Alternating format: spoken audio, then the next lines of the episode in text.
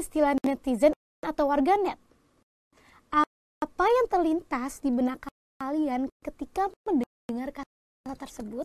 Hmm, dari penggalan katanya netizen, internet citizen atau warganet, warga internet memiliki arti semua orang yang menggunakan internet. Apakah kamu pakai aplikasi chat, punya Instagram, Facebook, dan akun-akun media sosial lainnya? Berarti kamu termasuk netizen. Layaknya warga atau masyarakat di dunia nyata, warga di internet juga saling berinteraksi satu sama lain. Kalau di dunia nyata ada istilah warga negara yang baik, di internet juga ada istilah warga internet yang baik. Untuk menjadi warga yang baik, tentu kita harus memahami bagaimana nilai, norma, budaya, dan hal-hal lain yang berkaitan dengan tata krama di daerah tempat tinggal kita. Iya bukan? Begitupun juga kalau kita mau menjadi warga internet yang baik. Lantas seperti apa ya kalau di internet? Hmm.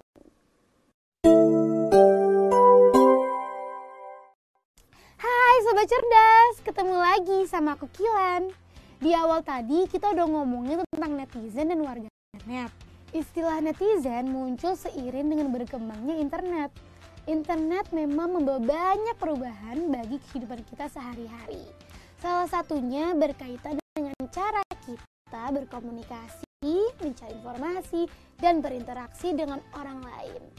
Setiap orang memiliki kebebasan untuk mengekspresikan dirinya di internet misalnya membuat konten, mencari dan membagikan konten, informasi apa pun menghubungi bahkan sampai berteman dengan siapa pun dan lain sebagainya.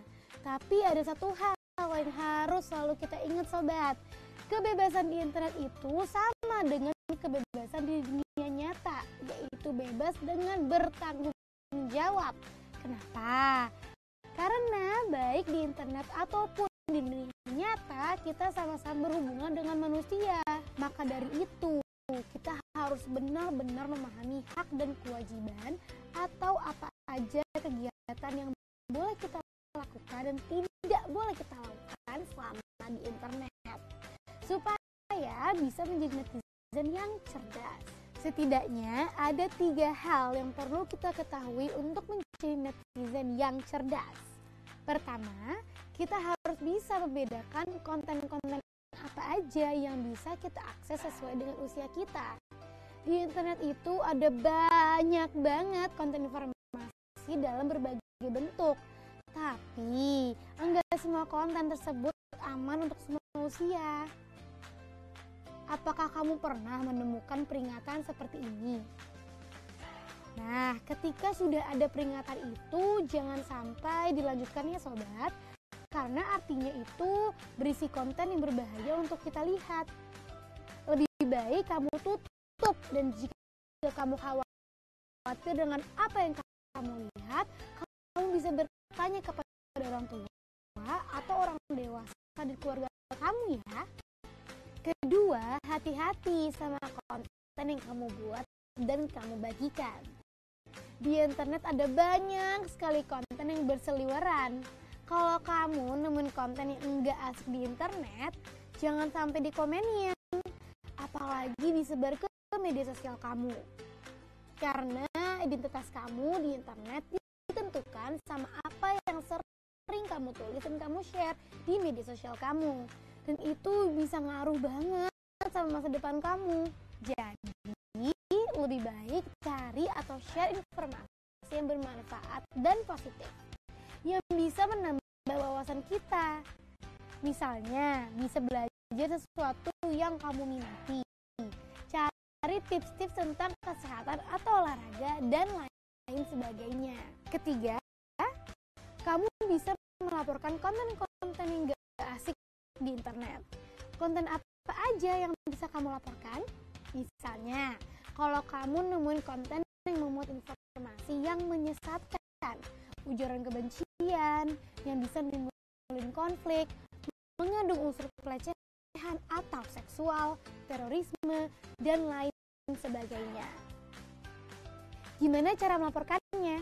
Kamu bisa pakai fitur report di aplikasi. Selain melalui fitur report, kamu juga bisa melaporkan melalui email ini atau melalui kanal informasi Kominfo. Kalau pakai kanal informasi itu, gimana coba caranya? Kita sebagai pelapor hanya perlu menyertakan nama, tautan pengaduan, dan screenshot dari konten negatif yang ingin diadukan. Gampang banget kan sobat cerdas? Nah, sobat cerdas, kita kan sudah memahami nih bahwa tingkah laku kita di internet atau di dunia maya juga ada batasannya kayak di dunia nyata. Pada video selanjutnya, kita akan mempelajari tentang etika-etika apa aja yang harus kita ketahui supaya interaksi kita sebagai netizen bisa lebih cerdas dan seru. Sampai jumpa pada video berikutnya, sobat cerdas. Istilah netizen atau warganet. Apa yang terlintas di benak kalian ketika mendengar kata tersebut? Hmm, dari penggalan katanya netizen, internet citizen atau warganet, warga internet memiliki arti semua orang yang menggunakan internet. Apakah kamu pakai aplikasi chat, punya Instagram, Facebook, dan akun-akun media sosial lainnya? Berarti kamu termasuk netizen. Layaknya warga atau masyarakat di dunia nyata, warga di internet juga saling berinteraksi satu sama lain.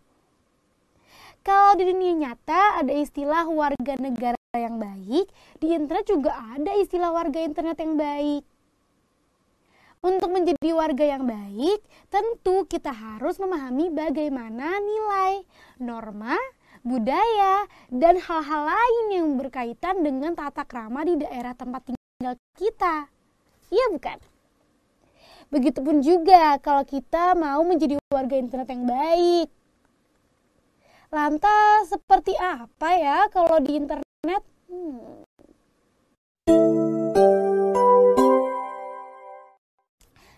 Sobat Cerdas, ketemu lagi sama aku Kilan. Di awal tadi kita udah ngomongin tentang netizen dan warganet.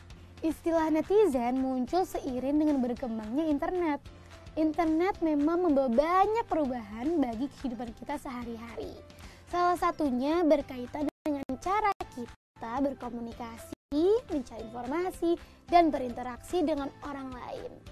Setiap orang memiliki kebebasan untuk mengekspresikan dirinya di internet dengan cara misalnya membuat konten, mencari dan membagikan konten, informasi apa pun menghubungi bahkan sampai berteman dengan siapa pun dan lain sebagainya. Tapi ada satu hal yang harus selalu kita ingat sobat. Kebebasan di internet itu sama dengan kebebasan di dunia nyata, yaitu bebas dengan bertanggung jawab. Kenapa? Karena baik di internet ataupun di dunia nyata kita sama-sama berhubungan dengan manusia. Maka dari itu kita harus benar-benar memahami hak dan kewajiban atau apa aja kegiatan yang boleh kita lakukan dan tidak boleh kita lakukan selama di internet supaya bisa menjadi netizen yang cerdas. Setidaknya ada tiga hal yang perlu kita ketahui untuk menjadi netizen yang cerdas. Pertama, kita harus bisa membedakan konten-konten apa aja yang bisa kita akses sesuai dengan usia kita. Di internet itu ada banyak banget konten informasi dalam berbagai bentuk. Tapi, enggak semua konten tersebut aman untuk semua usia. Apakah kamu pernah menemukan peringatan seperti ini? Nah, ketika sudah ada peringatan itu, jangan sampai dilanjutkan ya sobat, karena artinya itu berisi konten yang berbahaya untuk kita lihat. Lebih baik kamu tutup dan jika kamu khawatir dengan apa yang kamu lihat, kamu bisa bertanya kepada orang tua atau orang dewasa di keluarga kamu ya. Kedua, hati-hati sama konten yang kamu buat dan kamu bagikan. Di internet ada banyak sekali konten yang berseliweran. Kalau kamu nemuin konten yang enggak asik di internet, jangan sampai dikomenin. Apalagi disebar ke media sosial kamu. Karena identitas kamu di internet ditentukan sama apa yang sering kamu tulis dan kamu share di media sosial kamu. Dan itu bisa ngaruh banget sama masa depan kamu. Jadi, lebih baik cari atau share informasi yang bermanfaat dan positif yang bisa menambah wawasan kita. Misalnya, bisa belajar sesuatu yang kamu minati. Cari tips-tips tentang kesehatan atau olahraga dan lain sebagainya. Ketiga, kamu bisa melaporkan konten-konten yang gak asik di internet. Konten apa aja yang bisa kamu laporkan? Misalnya, kalau kamu nemuin konten yang memuat informasi yang menyesatkan, ujaran kebencian yang bisa menimbulkan konflik, mengandung unsur pelecehan atau seksual, terorisme, dan lain sebagainya. Gimana cara melaporkannya? Kamu bisa pakai fitur report di aplikasi. Selain melalui fitur report, kamu juga bisa melaporkan melalui email ini atau melalui kanal informasi Kominfo. Kalau pakai kanal informasi itu, gimana coba caranya? Kita sebagai pelapor hanya perlu menyertakan nama, tautan pengaduan, dan screenshot dari konten negatif yang ingin diadukan. Gampang banget kan sobat cerdas?